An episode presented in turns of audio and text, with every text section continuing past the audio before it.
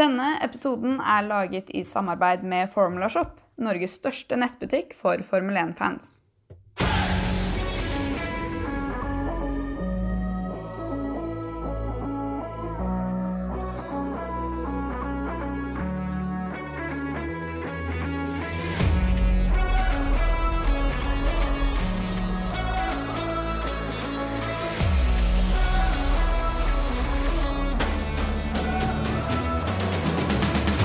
Endelig er årets Formel 1-sesong i gang.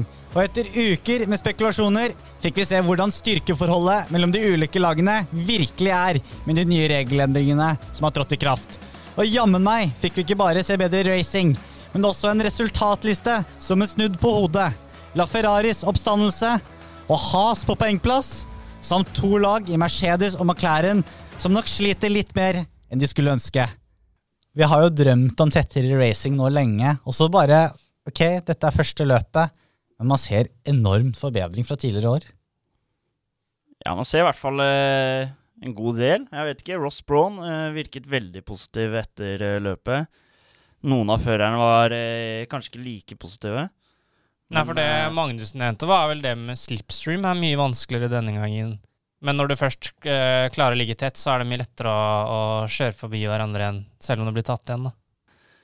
Men vi kan jo gå rett på løpet på søndagen. Charles Leclerc i pole position eh, etter en fantastisk kvalifisering. En jevn kvalifisering kan vi vel si mellom Red Bull og Ferrari. Eh, Det var jo Etter testene så var det liksom man trodde det var de to lagene som virkelig skulle stå fram, og det, det var jo absolutt riktig. Ja, definitivt. Altså Jeg syns jo for så vidt på kvalifisering, hvis du fjerner eh, Red Bull og Ferrari, at det var, så, det var egentlig ganske jevnt, mye jevnere enn det har vært tidligere, og at du føler at det er litt mer tilfeldig hvem som ryker i Q1 enn de standardbilene som pleier å ryke. Eh, Så det føler jeg er en positiv effekt. Og så når du først kom til løpet, så, så er det jo litt lettere å skille hvem som faktisk sliter, og hvem som eh, har en bra bil. For da Ferrari og Red Bull var jo såpass overlegne at det var vanskelig å følge dem. I hvert fall eh, når du nærma deg Passerte ti runder, da. Da sleit uh, f.eks. Hamilton, klarte ikke å følge Science lenger. Nei, det var veldig rart å se Formel 1 denne helgen. Litt annen følelse av å bare Mm. se Formel 1, for det var ny grafikk, nye biler, nye førere, nye lag i toppen. Ja, Greeden er egentlig, var egentlig litt snudd om på hodet, da. Mm. Mm, det var bare en sånn annen vibe, da. Å se nesten en litt annen sport. Rart å se Mercedes uh, slite litt, rett og slett. Ja, det, det er helt merkelig å høre dem også si at eh, ja, de, de har aldri vært så fornøyd med en eh, tredjeplass. Tredje-fjerde. Og det å Nei, men Det skjønner jeg. Når de egentlig har en bil som er ganske langt unna de to andre, og ender opp med tredje og fjerde, da er du happy. Absolutt. Så var det sånn som vi snakket om også i første episode, eh, som var liksom innledning til sesongen. Disse bilene, når en bil er bedre, uansett hvor tettere racing du får, når en bil drar fast, så drar den jo fra. Du så jo egentlig ganske det toppen at det, det ble noen sekunder skille mellom i hvert fall topp fem-bilene. I hvert fall de to beste. Eh, jeg følte de var ganske mye bedre enn eh, tredjeteamet som følger Mercedes. Da. De hadde ikke sjans til å følge når det først hadde kommet ordentlig i gang med løpet. Så akkurat nå så er det ganske vesentlig skille mellom Red Bull og Ferrari og midtfeltet, kanskje. da. Og så er det jevnere bakover. Vi snakker jo om eh, skillet mellom Red Bull og Ferrari. Runde 16 så får du en undercut fra Max Verstappen. Leder han til nydelig racing i to-tre runder der. Det var eh, herlig å se, og jeg føler ikke at man ser det så ofte i den fasen av løpet, da. For skal man begynne å race Det, det koster jo for dekka, det er klart Mm. det. Å se Max Verstappen prøve seg inn mot sving 1 der, gang etter gang. Og Leclerc, han var lur, for han, han bremsa ned.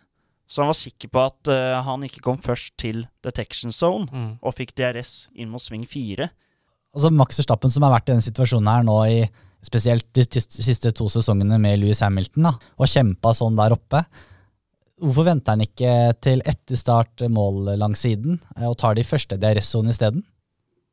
Ja, veldig rart ja. at han prøver så mange ganger. Ja, det jeg tenkte i hvert fall uh, Første gangen er greit nok, for det, det er jo ofte vært uh, en av de beste mulighetene å komme forbi på. Men når du gjør det samme tre runder. Ja, Du så jo hvor lett det var for Charles. Leclerc å kjøre forbi igjen på første deres sone. Ja, For da gjorde han jo bare det med vilje til slutt. Jeg bremser først, Max kom forbi, og så kjører jeg forbi han eh, på nytt igjen uh, på neste strekke. Så akkurat den, den skjønte jeg ikke helt hva han holdt på med. Jeg vet ikke, Kan det ha noe med erfaringen hans fra i fjor, da? Da han kjempet mot Louis Hamilton, prøvde seg inn mot sving fire, feilet på det ene forsøket han hadde ved å gå utenfor track limits. Kanskje han tenkte at eh, det er en altfor kort strekning å prøve seg på en så sterk Ja, Ferrari. og Så sa han vel egentlig at han følte i hvert fall eh, Red Bull-bilen var veldig mye raskere på langstrekkene eh, enn den Ferrari-bilen, kanskje. da, At han følte det var den beste muligheten å komme forbi på. At Leclerc ikke har samme fart når de kommer ut av første sving. At han skal slite med å ta han igjen. Men når du gjør det tre ganger, så burde du skjønne i hvert fall andre gangen at ok, det funker ikke. Og så burde du prøve på noe annet til slutt, da. Ja. Han gjorde det samme tre ganger. Men det er, det, litt, eh, det er jo litt stilen til Max også, da. Sånn som han gjorde inn i sving fem i, i Abu Dhabi, som eh, veldig få forventa. Han, ba- han bare gønner på, Mm.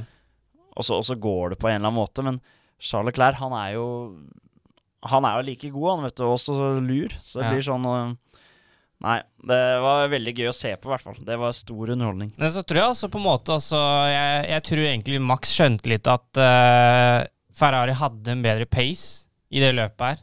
At han skjønte at uh, jeg må, hvis jeg skal komme meg forbi og vinne det løpet her, så må jeg ta de mulighetene når jeg har på freshe dekk, da. Fordi du hørte jo når Leclerc sa at han hadde klart å holde Max bak seg og fikk tilbake battery på, på bilen igjen og klarte å bygge opp gap, så hadde han egentlig full kontroll. Ja, fordi Christian Horner sa jo i et intervju etter løpet at eh, de gjorde noen feilvurderinger på hvordan de satte opp gulvet Mm. for løpet, som gjorde at de tapte for mye. Var det ikke sektor tre? Jo, spesielt der. Ja.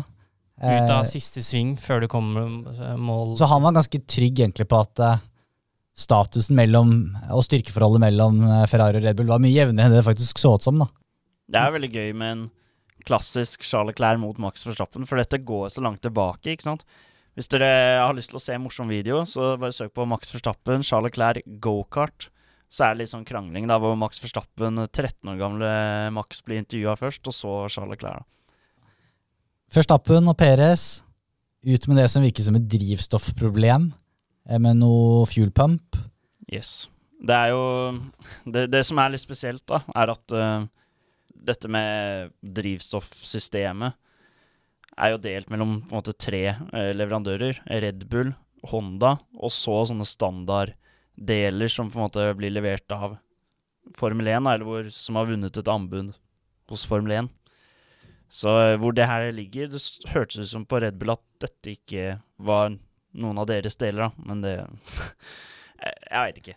Jeg tror, ikke, jeg tror ikke det er noe de går ut og sier der og da, men eh, det er jo bekymringsverdig at begge bilene ryker. Ja, du hadde jo Gasly. Gassly med et eh, motorproblem også, eller havari. Så det Jeg tror nok de er litt usikre i Red Bull-garasjen. Men det er jo som Christian Horne sier, da. Han vil heller ha en uh, litt usikker bil som er rask, enn en sikker bil som er treig. Ja, vil du det på sikt? Ikke på sikt. Nei. Jo, men du vil det på sikt. Fordi det går an å Jo, jo. Under den der eh, engine freeze-greia, på godt norsk, så går det an å forbedre påliteligheten til motoren. da. Ja, Men det går ikke an å gjøre masse endringer som gjør den raskere. Men eh, de må jo finne ut av problemene nå til helgen, for du har ikke råd til en ny helg med problemer på en av bilene. Da har du tapt mange poeng. Ja, det er litt sånn Vi sa jo det i forrige sesong. Hvis Max Verstappen skal bli verdensmester, så er det ekstremt Mm. viktig at han har en, har en pålitelig bil som er der fra starten av. Ja, ja. Eh, nå er han allerede 26 poeng bak Charles Leclerc. Mm. Og Red Bull er 44 poeng allerede bak Ferrari. Er det sånn nå at Red Bull må gjøre om strategien litt og være mye mer aggressive allerede? Mye kan skje, tenker jeg. Men det svir med de 26 poengene de taper til eh, Det blir i hvert fall viktigere, eller enda viktigere, å ta bra med poeng i Saudi-Arabia. da. Vi har jo et uh, lyttespørsmål her fra Leander Svea på Twitter, som spør uh, om vi tror det blir en tittelkamp mellom Max og Charles, eller om noen andre kan blande seg inn. Definitivt at uh, du skal regne med et par andre der. Jeg tror du kan regne med Hamilton og Carlos Sainz også. Tror du Hamilton? Ja. Ja, 100 Og og så er det sånn, det er lett å eh, bli gira nå og tenke på at shit, Ferrari ser bra ut, og Red Bull ser bra ut, og eh, duell mellom Leclerc og Max i første løp. Man må ikke glemme den erfaringen Mercedes besitter. Ja, og når er, de først får satt bilen sin, så kommer de til å henge med. og så er det den personlige erfaringen føreren også Ja, har. Da. Altså, det tok Max Verstappen noen år da, å være hva skal jeg si, god gjennom en hel sesong. Selv om Charles Leclerc gjør det bra nå, kanskje også til og med gjennom sommeren, da, så betyr det ikke at han er der i høst. Det er litt sånn som min personlige mening. da. Jeg er usikker om Ferrari har det å kunne bygge på utover en sesong. da. Jeg tror de kan starte veldig bra, så tror jeg de kanskje blir tatt igjen. I hvert fall av Mercedes. Jeg tror ikke det blir uh, tatt igjen av Mercedes. Men eh, det, det, det blir jo veldig spennende. Ja. Det som er bra med Ferrari-bilen, er at de har en uh, veldig bra motor. Nå er det egentlig utligna forsprangen til Red Bull og Mercedes òg, men så går det på aerodynamikken til slutt, da. Ja, for det ser jo nesten ut som Mercedes har tapt seg litt på motor sammenlignet med både Ja. Honda, eller Red Bull Powertrain som det heter nå, og eh, Ferrari-motoren. Nå har jo ikke Nå har jo verken Red Bull eller Mercedes Altså, Ferrari har jo bygd en helt ny motor, og derfor skulle det bare mangle at de har fått en effekt av det. Du også. ser jo på Alfa Romeo og Haas at den sitter ekstremt bra i de bilene nå. Så ja, definitivt. Det, det kommer til å være flere enn Max og Charles som er med i den tittelkampen der. Eh, I hvert fall hvis du får Mercedes opp, da, så har du plutselig seks førere som eh, potensielt har en vinnerbil eller en pallbil, og da er det jo mindre som skal til for at du mister poeng, da. For da er det flere mellom enn sånn som i fjor hvor det bare var ja, du og Max og Louis var én og to hele tiden. Vi får se. Ja. jeg syns det ser veldig bra ut for Red Bull og Ferrari, men Ja, det er så altså, klart nå, da. Vi vet jo ikke hvordan det er om fem runder. Og Nei, og så er det jo tidenes lengste sesong, da. Og det er så mye som uh, kan skje på veien. du så jo hvor mye det endra seg egentlig i fjor. da. Hvis du kom fram til sommeren, så lå Hamilton et godt stykke bak Verstappen. Og så endrer det seg fort. altså. Jeg, altså jeg, det hadde vært kjempegøy hvis Charles Leclerc hadde vært der oppe, men jeg tror eh, tror han trenger litt mer tid på seg for å liksom være helt der oppe. Men eh, herregud, kan godt hende jeg tar feil. Det er verste jo- vi gjør, er egentlig å tippe, da, for det er jo veldig vanskelig umulig å umulig å spå, egentlig. Fordelen hans er jo at han nå er vel i fjerde sesongen i Ferrari, så han har jo på en måte en ballast med det å, å være rask og vinne løp og sånn, og så handler det mer om å samle, altså utnytte at du har en god bil og få, samle nok poeng. Det er det som blir avgjørende gjennom hele sesongen. Ja, men jeg blir fortsatt overraska hvis Ferrari går gjennom hele hel sesong uten noe komplikasjoner. Ja, men eh, altså, alle, alle lag kommer til å ha svakere helger hvor du mister mye poeng, men det handler bare om å, å samle mest mulig jevnt ut hele. Ja, Begrense skaden egentlig Ja. når det går dårlig, da. Ja. Eh, I hvert fall når du veit du har en bra bil. Ja. Og vi kommer sikkert til å se flere feil i år enn i fjor, siden det er nye, mye nye reguleringer og nye Mm. biler. ja, og så er det jo Dette her var én bane. I Jeddah, som er en ganske annen bane, så ville aerodynamikk på bilene kanskje ha helt annet å si enn eh, i Bahrain, så hvem vet? Vi har et uh, til spørsmål her fra Hans Fredrik. Han lurer på om den nye regelen med fritt dekkvalg etter kvali rett og slett litt kjedelig. Nå vil vi se stort sett alle teams team starte på samme dekk og kjøre samme taktikk i hvert race utover, mistenker jeg. Ja, altså, jeg ble litt overraska at de faktisk eh, endret det. Ja. Eh, ja, men jeg tenker at fikk man egentlig den effekten når man innførte dem, eh, at de raskeste måtte starte på de dekka de var raskest med Gudo? Da? For Stort sett så startet de på sammen med de raskeste, da. ja, så endte det jo stort sett med at de som faktisk starta lenger bak på freshe dekk, ofte gikk først inn. Så det du nesten får nå, er jo at de topp ti kan kjøre enda hardere fra start. Så ja, jo Jeg tror, eh, jeg tror ikke forskjellene er så store, egentlig. Nei. Det som er kult, er at du kan få forskjellig strategi med at alle kan velge dekk eh, ved altså søndagen. Da. De kan velge fritt hva de vil starte på. Så det blir, jo, det blir jo kanskje enda større forskjell på strategiene. Jeg må si jeg tenkte litt det samme som Hans Fredrik på søndag, men ja, den gamle regelen den gjorde var på en måte De siste ti får velge fritt, Mm. som er en fordel. Men de som ikke er de aller aller beste førerne med de beste bilene De taper en del. Ja, de taper en del. Fordi Max Verstappen og Hamilton og Bottas De kunne velge omtrent hva de ville i Q2.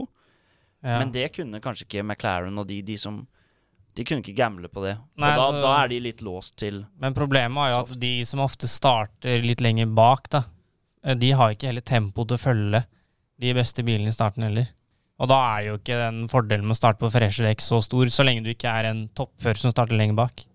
Ja, og sånn som jeg ser det, så var det kanskje de beste midtfeltlagene som tapte på det. Men uh, vi får se utover sesongen. Men når vi snakker om midtfeltet Kevin Magnussen, What a comeback. Mm. Viking comeback. Viking comeback. Has generelt kjører bra. Jeg syns Schumacher var jo nærme å pushe til tider for en P10, Mm. men altså Kevin Magnussen, det er ekstremt imponerende. Burde ikke være mulig da komme For to uker siden så skulle han kjørt han noe helt annet. Og, det, er, det er helt sykt imponerende det han får til. Men det er jo litt sånn, han har jo Han kommer inn der og har egentlig ingenting å tape. da. Mm. Han har fått en ny mulighet. Og du ser jo hva selvtillit og ro kan gjøre. da. Så er han jo en god fører, da. Man må ikke glemme at han har jo kjørt både for McLaren og Renault opp gjennom årene, og har jo vært på pallen også i Formel 1. Ja. Men kjørte en ekstremt bak kvalik. Trodde da at ok, han kommer til å skli litt bakover, men han hadde en ekstremt ro. altså Han var jo nesten om han pusha forbi Russell til tider der. Ja, han er smart, for selv om Kevin Magnussen er kjent for en som mister hodet og litt sånn, så syns jeg vi så det samme som det vi gjorde da han tok poeng i Budapest for et par år siden. Da de eh, valgte å pitte rett før start og, og litt sånn, da. At uh, han lar de beste bare komme forbi.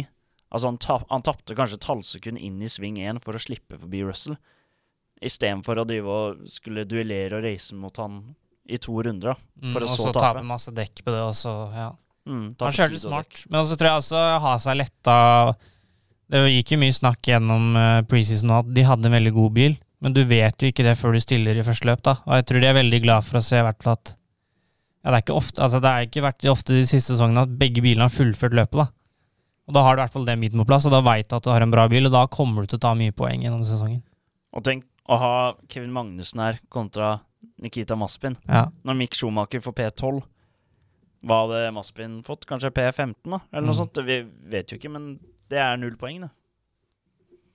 Ja, Definitivt. nei, Det er utrolig imponerende av Kevin Magnussen. Et annet midtfeltlag som også gjorde det ganske bra, var jo Alfa Romeo. Mm. Walter Bottas på P6 hadde jo en ekstremt dårlig start, som vanlig. Men imponerende av Bottas å hente seg inn igjen, etter også en god kvalifisering. Og Sjo, Han tok ett, ett Ja. poeng, P10. Imponerende å ta poeng i første løp. Ja, knallsterkt. Også de tror jeg også er litt letta, fordi det har også gått mye snakk om at de også har hatt en bra bil. Eh, og de får jo også det bekreftet, så Så er spørsmålet, da. Er det da bilen som er bra, eller er det motoren? Ja, Jo, altså at motoren er bra, det veit man når Ferrari Du ser hvor bra Ferrari-bilen går, men uh, ja. Du ser jo tendensen. Alle med Ferrari-motor kjører ekstremt bra. Alle med Mercedes-motor kjører under pari. ja. Det er en veldig klar tendens der. Uh, men så er det sånn Samtidig så er det sånn McLaren og Aston Martin De har haugevis av andre problemer òg, liksom. Mm. Men eh, det, det er en morsom tendens, det der, når man ser det. Ja. Så er det litt deilig å få opp noen andre. da Ha som liksom driter seg ut, kan man si, eh, bak nå i flere år. At de endelig liksom er med og fighter, da. Nå sa vel eh, Viaplay-gutta at de driver filmer sesong fem i Drive to Survive òg. Mm. Tenk, eh, tenk det øyeblikket, da, med Gynter. Ja, ja, ja. Det blir gøy. Ja. Se litt eh, medgang for det laget. Et av de lagene som kanskje skuffet mest i første løpet, McLaren. Hva er det som skjer med McLaren? Er dette noe vi skal frykte skikkelig utover sesongen? Vi trodde det bare var bremseproblemer eh, etter testen i Bahrain. De så jo bra ut i Barcelona. Og så er det bare helt natta. Hvem hadde trodd? Satt ikke alle oss eh, McLarens nummer fire denne sesongen? Det kan fortsatt skje. Det kan fortsatt skje. Jeg men tror, det fortsatt, er eh, jeg tror fortsatt de har en bra bil, men også, og så tror jeg de kan ha litt av det problemet de hadde i fjor, med at de er veldig gode på enkeltbaner. Og baner som det blir fort veldig høy temperatur på. Der har de innrømmet at de sliter, i hvert fall med flere ting, spesielt bremsene. da, Men det var ikke hovedproblemet denne helgen. Men jeg tror også at de har innsett at uh, de har nok en del problemer som de ikke trodde de skulle ha. eh, I hvert fall etter Barcelona-testen. Det legger jo en liten demper på Formel 1. Jeg, Mm. Nå ville vi jo se McLaren helt der oppe, da. Altså er det noe med at når de liksom For fem år siden så lå de nedi sumpa her, så har du klart å ta det steg for steg, og så ja, Hvis du har bomma når det liksom er en ny æra, så er det brutalt å hente igjen det forspranget. Mm. Vi liker jo Landon Norris og Danny Rick, og da. Vi, vi vil ha de oppi der. Det, det er ikke noe gøy når de ligger på hva var det, 14 og 18, eller Det var en periode de lå Sist. Sist. Ja, det tenkte jeg bare Jøss, skal de bli nye Williams, liksom? Det var det jeg tenkte, eller nye Has. Det var veldig rart å se de der. Men eh, Jeg tror vi må gi dem et par helger, og så tror jeg spesielt uh, Imola, som kommer vel runde fire eller noe, der tror jeg Mercedes, nei, McLaren fort kan slå tilbake igjen og vise hva potensielt de kan få til. Da. Ja, det er det jeg også skulle til å si, at jeg tror de ser prikker ut løp nummer fire på kalenderen som liksom Ja. Hvis vi kan begynne å knappe inn på der, altså En ting er teten i konstruktørmesterskapet, men å komme f.eks. på fjerdeplass, da. Du kan ha ganske mye utur i starten av sesongen og fortsatt klare det hvis du får en god høst. Ja, for du ser jo, så, Hvis du fjerner de tre toppteamene, så er det ikke så mange av de andre der som skiller seg så veldig ut. Ja, altså Du så jo i fjor, Ferrari var jo tilsynelatende nesten borte Ja. på starten av sesongen i fjor. Ja. Hadde en ekstremt sterk høst, og de, da kom de jo faktisk på tredjeplass. Ja, så jeg tror eh, de- de kan helt fint fortsatt kjempe om den fjerdeplassen. De må vente på litt kalde løp, de. Mm. Ja. Komme seg til nord i Italia. Ja. Er det noe annet dere vil legge til eh, fra Bahrain Grand Prix? Vi kan ta med et uh, lyttespørsmål til. Uh, og det var jo litt det vi snakket om i stad med Charles og Max. Om eh, Max har blitt mer Det er fra Fredrik uh, Aunegård på Instagram. Uh, om han har tatt i seg litt av den kritikken uh, når det kom til at han var ganske hard på det med forbikjøringer og tok mange sjanser i fjor. da. Om han har kanskje som verdensmester blitt litt mer voksen, tatt litt mer innover seg. Kanskje. Så er det jo første løp òg, da. Så kanskje man tar litt roligere første løp til man blir litt varm i trøya. Så tenker jeg også at uh, hadde det vært Hamilton han hadde kriget mot uh, Hvis du hadde bytta klær mot Hamilton, og du veit allerede litt den der gnisten som er, så hadde ikke han vært noe mindre hissig, altså. Hamilton blir bare som et sånn rødt flagg for en. Ja, for Hamilton har jo gått ut før den helgen her og sagt at han er klar for å ha spissa albuer denne sesongen her. Ja, Mm. ja, det, det, Så bare vent den første, fight. første duellen de møtes på banen denne sesongen her, da, da er de tilbake på hverandre. Så Det er garantert. Det er gøy. Ja. Jeg syns vi så mye snill racing på søndag. Mm. At uh, det var liksom ikke så mange som ville ofre eventuelle poeng. da. Nei, så handler det om å bare få poengene i banken i starten, da, så tar det litt etter hvert. Mm. Ja. Nei, jeg må si det. Jeg syns det var ordentlig kjipt det med Forstappen at han eh, At det havarerte der. Det var litt sånn vibes fra egentlig alle år før eh, i fjor, da. For det Mm. var, han har mange DNFs opp gjennom eh, karrieren. Og spesielt på starten av sesongen. Ja. Renault og, og også litt Honda har jo Man hadde mye. jo tre i fjor også. Ja, men det var jo ikke nødvendigvis krasj, liksom. motorproblemer, da. Ja, eller han brøyt tre ganger, da. Ja, det var liksom krasj. Mm. Nei. nei, uansett en elendig start for Red Bull, men eh, de slår tilbake. Men etter ett løp, hvordan ser eh, sammendraget ut? Vi kan ta konstruktør. Fører er jo egentlig kun etter eh, posisjonene de fikk eh, første helgen. Men konstruktør, hvordan ligger det an? Da, da er jo Ferrari på topp. Det er de. 44 poeng til sammen der. Mercedes på andreplass. De er nok veldig happy med det, med 27 poeng. Has på tredje. 10 poeng. Det er helt rått. Alfa Romeo, eh, 9 poeng. Alpin 8 poeng. Alfa Tauri, eh, 4 poeng, som Yuki samla der.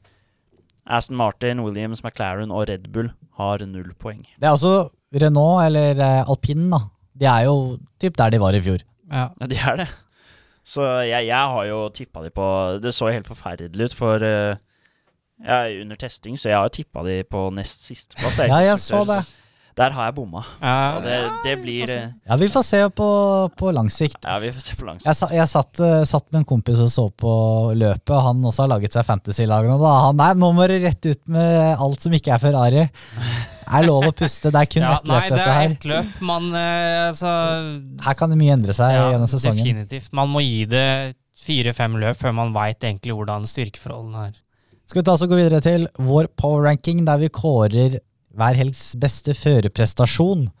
Vi skal jo fortsette det fra i fjor. Tre stjerner, hvem er det vi har der? Eh, jeg har vært litt sånn usikker på hvem jeg skulle gi tre til, men samtidig uh, Pole position, raskeste rundetid, og du vinner løpet, så føler jeg ikke at Charles kan gjøre så mye annet. Altså Han kunne ikke gjort noe bedre. Jeg så også Charles Leclerc. Da føler jeg han eh, fortjener de tre stjernene. Jeg har også Charles Ja. Leclerc. Ja. Jeg, var- jeg var sikker på at eh, liksom, noen skulle ta Kevin, noen skulle ta Charles. men, Nei, eh, jeg har Kevin på to stjerner. Det er jeg òg. jeg, Det jeg tenkte med Kevin, da Han, han kunne fortjent tre stjerner, men det er jo egentlig en Nei, syvendeplass? Blir det ikke noe sånn? Altså Hvis man tenker med Red Bullen, da. Riktig. Så Ja, altså er det litt sånn Hvis Charles hadde gjort noen feil her og der, da, når han har liksom en trippel, da startsesong med en trippel, da er det vanskelig å ikke gi han en tre stjerner. Og, og han får jo bra kamp av Max Verstappen, Ja, og klarer definitivt. å holde han unna. Han var kald i den situasjonen, rett og slett. Ja, han kommer ut på kalde dekk og klarer å holde Max Verstappen bak seg, og det er fader meg Naile imponerende. Altså. restarten på etter safety car. Mm. Kunne fort uh, mista hodet litt der. Max hadde kjørt forbi. Mm. Så ja, han gjør en knallhelg. Ja. Så det er tre stjerner til Charles Leclerc, to stjerner til Kevin Magnussen, én stjerne. Hvem er det vi har der? Der er jeg Valtteri. Ja, ja. Bottas. Jakob? Jeg har satt Max Verstappen. Da har vi alle tre forskjellige. Hvem har du, da? Jeg har Guan Yu Shu. Ja, da, da ligger det an til at den blir en alfa, i hvert fall. Han får, han får et poeng, Selv om ja, det er to som ryker ut eh, toppen eh, der, han får eh, ett poeng i sitt første løp i en Alfa Romeo. Det er sterkest. Men, det er, men eh, med han også, da. Det er, han, han gainer jo på Gasli. Jo, jo, men Ja. det handler jo om Gasly å fullføre løpet. Det handler jo om å fullføre løpet, da. Jo, men så hans prestasjon. Ja, altså, det, er, det er ingen som kan ta fra han det poenget. Det er Nei. dritbra. Men Nei, hans jeg, prestasjon du må i hvert fall Du må fullføre løpet, og da tenker jeg Bottas tar en sjetteplass. Han tar åtte poeng, gjør en kanonkvalifisering. Ja, for en ræva start, men han kjører seg opp igjen. Men Sjo slår jo for eksempel en eh, Mick Schumacher, da. Og en eh, Lance Stroll, for eksempel. Ja, Mick Schumacher er litt, han er litt unnskyldt pga. kompisen hans og Con som kom med en takling der. Syns jeg. Ja, og så tenker jeg Stroll eh, Nå hadde jo Aston Martin såpass skuff, skuffende helg. Han hadde såpass skuffende helg at og når du ser potensialet til uh, Alfa Romeo med Bottas på en sjette, så tenker jeg da ja, Ikke forvente, men da er det ikke så rart at eh, showet er der, da. Ja, det er greit at vi kan inn til Bottas. Eh, jeg ville egentlig bare legge inn show for i hvert fall diskusjonen sin skyld. Ja. okay. nei, men jeg, altså, jeg syns han hadde fortjent det, men altså, Bottas ser jeg Eneste som liksom skjærer litt i meg, er den forferdelige starten til Bottas. Det, Ja, den er, men er ikke det som vanlig, da? det hører med, gjør det Det var kanskje begredelig, men det er litt sånn for å forvente. Han, Han, faller kalle jo seg, mer han burde begynt å kalle seg for Bad Start Bottas eller noe Han, sånt. han faller jo mer nå. Vanligvis har han jo stått på første rad. Nå ser det enda verre ut. Er det et Grand Prix uten en eh, dårlig start fra Bottas, da? Nei. Så da kan du tenke kanskje det er veldig imponerende at han faktisk kjører seg opp igjen. da. Ja, for da kan jo fort Bottas bli sånn Nei, nå blir jeg liggende bak her, nå gidder jeg ikke å pushe Men noe. Men han, Han gjorde det så mange ganger i Mercedes, da, hvor han havna bak, og så kom han seg pokker ikke forover. Men det skal jo sies at han sleit ganske mye her òg, da. Det var, hadde Ja, det ikke vært for safety-karen, så hadde han vært mye lenger bak. Men da handler det om, ja, men det handler om å kjøre smart, gjøre, ikke gjøre noe feil. Og så har du litt flaks, ja, selvfølgelig har du det, men det har jo også Hamilton og Russell. Ja, jeg, okay, jeg gir ikke noen stjerner til de heller. Nei, nei, men hvis du ser det sånn sett, da. Ja. Jeg syns i hvert fall du må fullføre løpet for å få en stjerne. Ja, det er jeg enig i. Ja. Nei, ja Ok, samme det. Jeg, er- jeg er nedstemt. Det, Ja, du er dessverre denne gangen er du nedstemt. Og da er det da tre stjerner til Leclerc, to stjerner til Kevin Magnussen og én stjerne til Walter Bottas. Ja. I årets første på ranking. Ja. Hva med Formel 1 Fantasy? Der har vi jo fått et rekordhøyt antall eh, med i vår fantasyliga i år. Ja, og det, det må vi jo bare takke for. Vi takker Altså, alle som er med på det. utrolig. Andreas delte den på FN Norge, og det bare whoop! Ja, altså, men det er kult at folk slenger seg på, og at uh, det blir noen kule premier i slutten av sesongen. Eh, vi kan jo se litt på topplistene. Nå er det jo tre stykker på samme poengsum bak han som leder, da. Uh, og her føler jeg Altså, det er en med, som kaller seg Ferrari Power. Ecoflem Jolly og Racing Rebels, eller Rebels, eller hva det skal si. Rebels. På 283 poeng. De tjente en del på at Ferrari vant løpet. Og så har du han ene som gønna på fra start. Eh, Stian kaller han seg for Team 1. Det er ikke meg. Nei. Eh, han kan jo også, kanskje et lite tips, prøve å finne på et kult lagnavn. Ja, gjør det. Eh, men han gønna på og tok eh, megadrive på første, første løp på Hamilton. Hvilke, hvilke førere var det han hadde? Han hadde da Hamilton som fikk eh, Altså, han hadde jo 102 poeng pga. megadriven der, og så hadde han Schumacher, ja, Schumacher Magnussen, Gasli, som han fikk minus fire på, så det var brutal. Og så hadde han Leclerc og Ferrari. Eh, kanskje litt vel tidlig å bruke den megadriveren, men allikevel rett i topps. fra- Hvem er best av oss eh, gutta? Det, det, er, eh, det er Jakob. Han er nummer eh, 58, var det vel? 207 poeng. med den, for jeg hadde jo Max Verstappen og Pierre Gasli. Men eh, heldigvis hadde jeg Charles Clair som turbo driver, og eh, Ferrari også, og begge Has. Så det redda meg. Men jeg tror hvis vi skal komme med noen tips, da, så tror jeg eh, sånn som han som gønna på med megadriveren til start, jeg ville venta Ja, venta et par runder. Eh, gjerne til de helgene hvor det er eh, sprintløp, hvor du kan få enda mer poeng. Det er litt sånn som i fantasy fotball òg. Ja. Du, kan, du kan treffe med en triple captain, men uh, gjør Ja. du det første runde, så er det store muligheter for at du bommer. Ja, så her burde du egentlig holde litt igjen, og så er det viktig, i hvert fall til de som vil hente mye poeng etter hvert, å se på disse streaksene som førerne får, gjerne etter fem løp, da. Da kan du hente en del poeng. eh. Så her er det veldig lenge igjen, så her kan alt skje. Hold hodet kaldt, Ja. er vel tipset. Ja. Jeg, jeg, jeg liker den der å kjøre megadriver på eh, første runde. Det gjorde jeg en gang på Fantasy. Leda alle ligaer for én runde, for jeg vet det faller sammen etter hvert. Men litt problemet er at du, du kan du taper ganske mye poeng på å ikke vente litt med den. I hvert fall når Hamilton ikke ender med å vinne løpet heller. Det er sant. Så, men eh, ja ja, han gikk rett til topps. Kan kose seg med det, og så får vi se hvem som gønner på med trippel Ferrari, eller om det blir noe Red Bull til helgen. Dennis Hauger kjørte også løp denne helgen. To løp, faktisk. Og det gikk, ja Hva skal vi si, Jakob? Så som så? Litt reality check da for oss norske fans. Jeg var en av de som var superhypa. Jeg, jeg visste jo at det er et annet nivå i år. Og det er ikke sånn at han bare går og dominerer sånn som han gjorde i Formel 3. Jeg visste jo det. Men på den 15.-plassen på kvaliken Men vet du hva, der, der dreit Prema seg ut, ass. jeg, jeg er enig i det. Vi er norske. Ja. Kan vi ikke bare være eh, enige om at Prema dreit seg ut? De uh, gjør jo ikke bare én feil en Altså Det er jo veldig rar strategi de har, da, det må jeg si. Hvorfor ikke gønne å få en ordentlig runde i banken? Ja, i hvert fall når eh, Hauger er eh, rookie, da. I hvert fall uh, gi han uh, flere muligheter til å sette en god runde. Og så har vi jo sett både i Formel 2 og Formel 3 tidlig at det skjer mye uforutsett Mm. i disse kvalifiseringene. Så å ha en god runde i banken tidlig er alltid en fordel.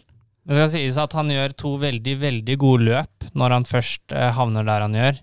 Kjører seg egentlig spesielt i løp nummer to, hvor han får altså gjør en feil på starten som han ikke gjør at han får starte på startgriden. Eh, med kløtsjinga var det vel, og så starter han bakerst, til og med i pit. Mm. 15 sekunder eller 10 sekunder bak de, alle de andre, og så kjører han seg helt opp til Niendeplass, Ja. tror jeg. Før da Prema igjen gjør en blemme med å ta han inn når det er safety car. Ja, for det blir, det blir sikkerhetsbil. De kjører han inn.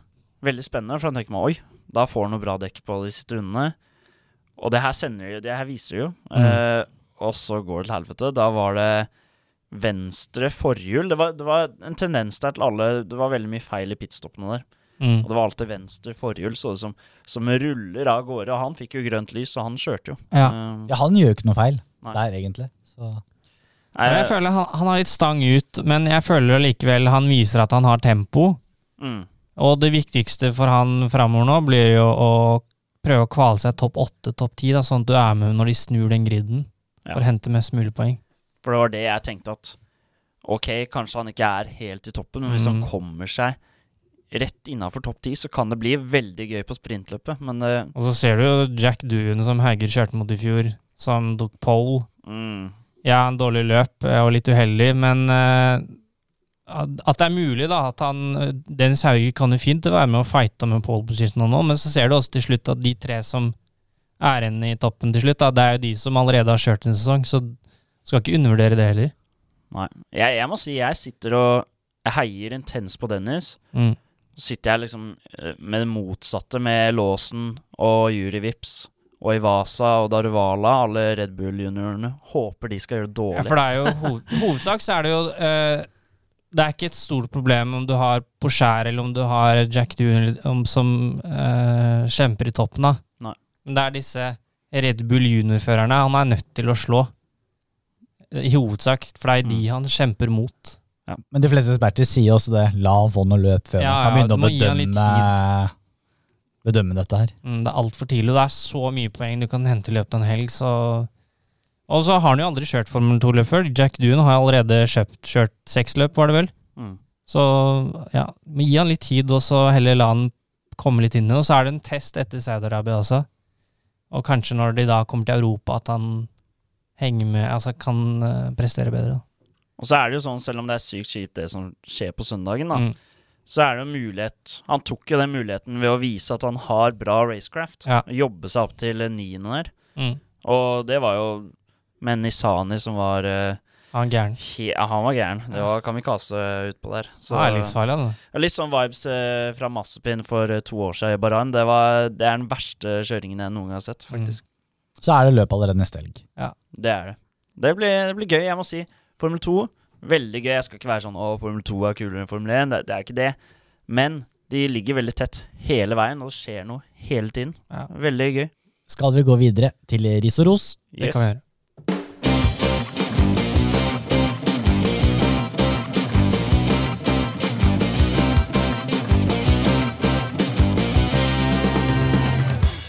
Ris og ros.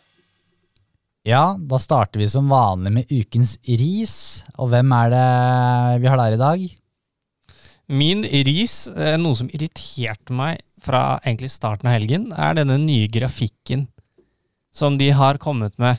Og det er helt greit å komme med en eh, ny grafikk, og det ser jo fint ut, og, men når det ikke, når det ikke fungerer altså det fungerer jo ikke. Det ene treninga der, så var det ikke grafikk i det hele tatt. Så virker det som også om radiomeldingene er helt borte Ja, de var ofte tekst, og så hørte du ikke hva de sa. Så, nei, der har de en jobb å gjøre.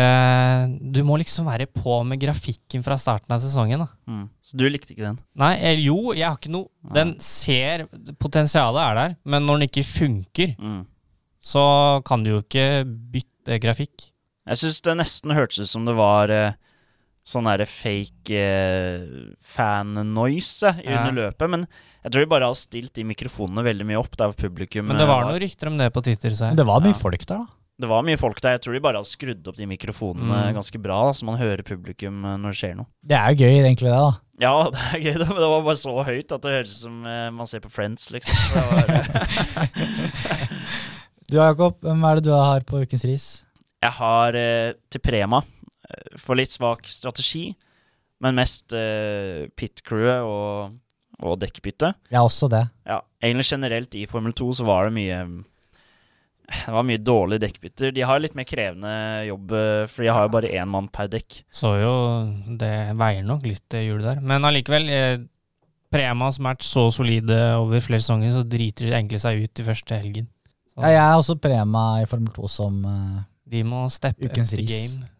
Skal vi gå for det, Da går vi på Brema. Vi gjør det. Ja, med skjerpings før eh, Saudi-Arabia. Yes. Ukens ros.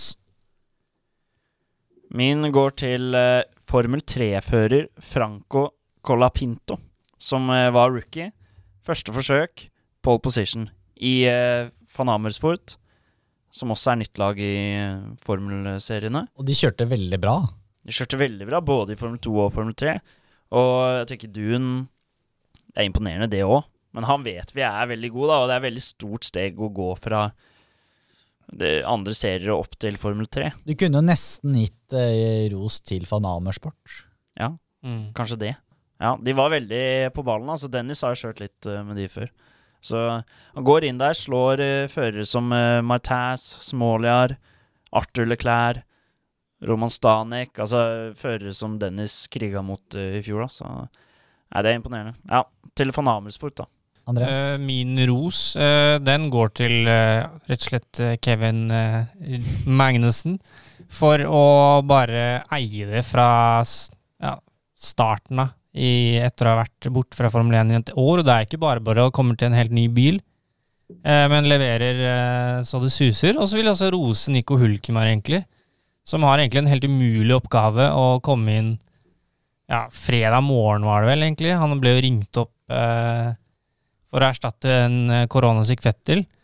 Og så syns jeg egentlig ja, han gjør en helt decent eh, jobb, og så er han jo ikke så langt eh, bak Stroll, i hvert fall på kvaliken, så ja, tommel opp til supersub eh, Hulkemer, som har gjort det et par ganger nå. Min går til eh, våre venner i Viaplay. Det er faktisk litt cred med at de har fått med seg David Cottard og Mika Hakkinen. Fordi det var eh, Det ga en ekstra dimensjon når de var ute på start-mål langsiden der og prata med masse forskjellige folk. Og teamsjefer kommer jo bare bort til de fordi de er de de er. Og, Alt mulig var rart å se de stå der med Viaplay-mikrofon og intervjue folk. Jeg er enig, de har steppa opp der, altså. Men det var, eh, Ja, det var rått. det var virkelig se, kult å se. Så Ja. det er litt ros for at jeg har fått til det, altså. Ja, For en eh, stjerneduo der. Det er litt som når TV 2 henter liksom eh, Dag Otto og Tor Hushov, Da. da får de intervju med hvem de vil. Mm, Så nei, det, det var gøy. Så ja. jeg er enig. Hvem er det som fortjener ukens ros, da? Skal vi gi den til Kevin Magnussen, siden han ikke fikk eh, tre stjerner i powerrackingen vår, eller? Ja. Han kan godt få den.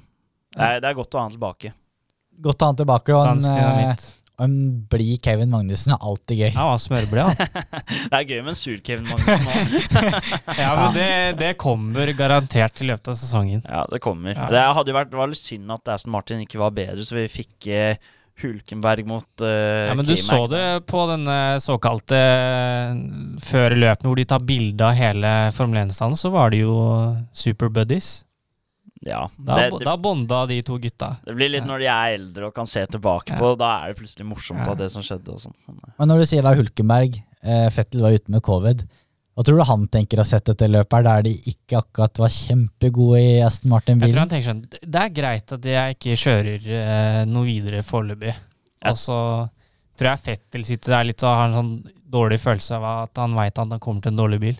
Jeg tror Seb eh, Jeg tror vi mister han etter i år. Det tror jeg. Det, det sa vi for to år siden, det siste året i Ferrari òg, for da virka han lei. Men Ja, men det er litt sånn nå, Han fikk litt ny giv i fjor, da. Jo, men nå har han nok venta på den sesongen her med helt nye biler, og at Aston Martin nå skal de virkelig ikke rigge toppen. Og så hvis, han får en, hvis de får en så tung sesong, da fortsetter han ikke.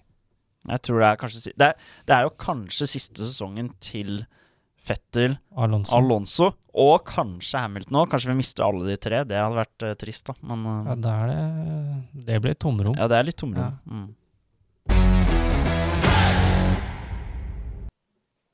Siste før vi avslutter eh, denne ukens episode. Neste løp, Saudi-Arabia, var et kaos av et løp i fjor. Gjort litt eh, om på banen i år for at det skal være litt eh, safere. Kanskje ikke like mye uhell. Hva tenker dere?